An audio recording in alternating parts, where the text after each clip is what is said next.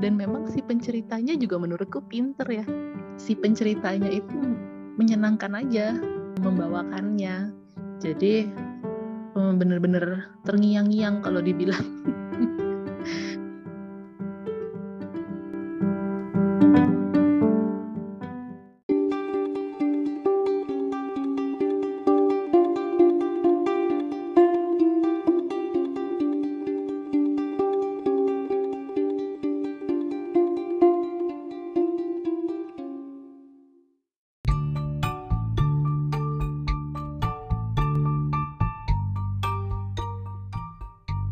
aku tuh kemarin itu nemuin web literasi.cloud.org di situ ada audiobook semacam audiobook tapi di situ menunya uh, read aloud-nya.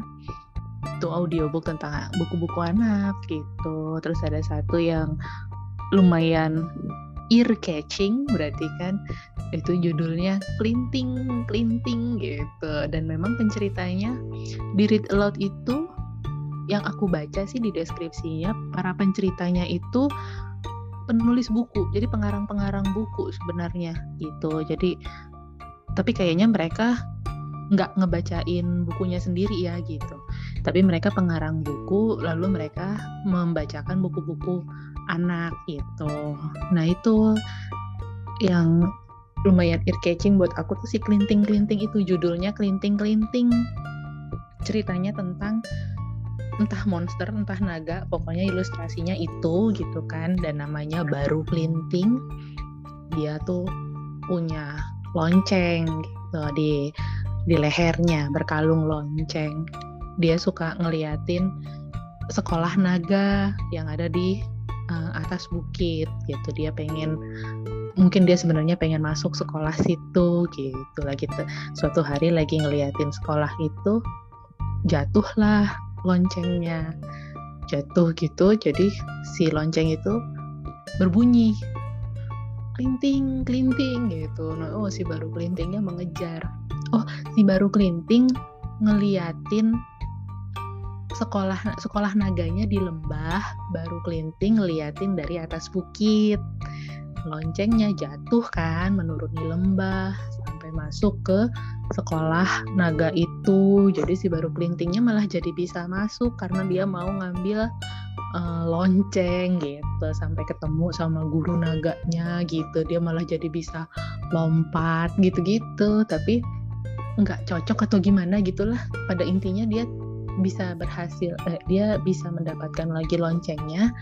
Tapi yang aku inget dia ceritanya kayak ya udah nggak jadi nggak jadi sekolah gitu loh kayak tidak terpikir mau sekolah masuk sekolah lagi atau gimana gitu. Pokoknya yang dia pikirin cuma dapetin loncengnya itu gitu. Tapi ya itu sepanjang loncengnya turun bergulir itu bunyinya klinting klinting ya klinting klinting. Dan itu si penceritanya itu uh, ya, menyenangkan aja membawakannya. Jadi bener-bener terngiang-ngiang kalau dibilang. Itu itu satu ceritanya sama yang kedua yang menurutku lucu juga itu tentang burung. Jadi ada di toko toko burung lah. Kalau aku nggak salah inget ya atau dia pasar burung gitulah ceritanya ada burung macam-macam kan ada burung kakak tua ada burung perkutut gitu. Sama nih ada si burung gagak. Burung gagaknya ini berusaha um, memerdukan suaranya supaya beli tuh mau beli dia gitu. Jadi kalau yang lain-lain uh, jadi kan ada ada ininya ya. Karena aslinya buku anak dan lebih banyak ilustrasi dan mungkin karena burung tentang burung tapi kan kalau di bukunya suara burungnya tuh lebih kayak kalau kita kayak baju tuh mungkin lebih ke aksesori ya. Jadi kalau itu kan kita bacanya nggak sebenarnya tidak terlalu fokus di situ kan. Yang kita baca adalah ceritanya kan bagaimana uh, pembeli berdatangan lalu bagaimana si burung ini berpikir gitu tapi yang menarik buat aku karena dibacakan dan memang orang kan pasti mencari sesuatu yang berbeda ya, pengalaman yang berbeda. ketika mendengar cerita sama membaca cerita gitu. Jadi penyuaraan suara-suara burungnya itu tuh jadi menarik gitu loh. Dan memang si penceritanya juga menurutku pinter ya. Jadi misalnya kalau secara tulisan misalnya cuma cicit cuit gitu ya. Atau paling kalau secara tulisan uh, yang burung apa cicit cuit i-nya yang dua gitu ya. Nanti di burung apa mungkin sebenarnya penulisannya cuma cicit cu u i i t gitu kan. U-nya dua i-nya dua gitu kan. Kan kalau ditulis cuma gitu doang ya untuk untuk diferensiasinya untuk pembedanya. Tapi ketika dibacain tuh si pem, pembacanya tuh bisa yang cuit cuit cuit. Gitu gitu. Ntar dia cicit cicit cuit gitu. Dan itu memang berbeda bisa ngebedain. Tapi juga sekaligus kalau kan kadang-kadang uh, dikasih kilasan bukunya. Jadi kita bisa kayak ikut baca bukunya.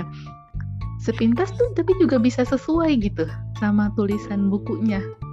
Tapi di saat yang bersamaan ketika disuarakan juga berbeda gitu gimana ya? Tapi menurut aku memang menarik tuh pengalaman itu. Buat aku lucu tuh. Jadi gitu cuit cuit cuit. Tadi gitu. Kalau yang lagi nyeritain si gagak ya nanti kalau pas misalnya si gagaknya uh, berkompetisinya sama perkutut gitu yang perkututnya cuma cuit cuit cicit gitu. Pokoknya gitu deh. Gitu. Jadi buat aku sih uh, dua itu menarik. Cuma sayangnya kalau anakku lebih suka yang si kelinting kelinting nggak tahu kenapa tuh dia yang burung malah nggak terlalu tertarik padahal menurutku bagus juga tuh yang si burung itu. Mbak Wika, itu tadi uh, websitenya inget nggak atau nama aplikasinya atau apa? Webnya itu tadi literacicloud.org. Oke, okay. itu buku buku yang dibacainnya karya uh, asli gitu atau atau buku yang sudah ada gitu? Kayaknya buku yang udah ada aku lupa deh tapi kayaknya yang si kelinting kelinting itu kalau aku nggak salah inget dia nyebutin pengarangnya kok seperti nama orang asing ya? Be kan beda sih beda sih ceritanya ya cuman ya cuman mirip namanya aja jadi kayak itu legenda rawa pening kalau di Jawa Tengah. Mm. ya, itu naga juga uh, naga, naga yang namanya juga. baru kelinting aku malah benar baru baru denger baru kelinting ya gara-gara buku itu gitu. Itu Makanya, legenda sih mbak mbak Wika. Legenda ya? Iya enggak oh. tapi maksudnya bahwa itu ternyata uh, mitos nasional istilahnya gitu kan hmm. mitos dalam negeri. Aku baru tahu dari kalian gitu. Aku waktu baca ya itu karena seingat aku ketika disebutkan nama pengarangnya itu kayaknya apa ya eh, nuansanya nuansa orang asing terus dia juga penggambarannya naga gitu ya ceritanya tentang naga. Jadi aku mikirnya itu buku buku luar negeri gitu cerita asing gitu. Makanya ketika kalian bilang baru kelinting di Jawa ha? Baru tahu Jawa. Ternyata ada bukanya juga cerita. Aku mau nanggepin yang salah. Apa? Kalau read a lot, read a lot iya kan? Aku kemarin juga jadi relawan audiobook Nah, memang ada ada tekniknya ya ketika kita harus menyuarakan hewan atau apalagi yang kayak tadi cuit-cuit itu memang ada diajarin lagi untuk suaranya hewan-hewan dan segala macam. Apalagi kendaraan gitu nanti ada suaranya lagi. Hmm. dan memang pembaca si audio si relawannya yang membacakan itu beda lagi dari yang si pengarang apalagi dari yang si ilustratornya Hmm. Nah, kita nggak bacain cerita kita sendiri gitu. Kalau kalau yang kemarin aku ya hmm. bisa jadi sama. Biasanya itu kenapa Mbak? Maksudnya apakah ada pertimbangan tertentu kenapa si pengarang asli buku itu nggak membacakan sendiri aja uh, karangannya gitu? Kira-kira memang karena ada pertimbangan tertentu atau emang itu kalau kalau read aloud itu kan ada sertifikasinya ya Oh, ada sertifikasinya. Jadi uh, belajar belajar untuk membacakan nyaring ada ada kelasnya. Oh gitu.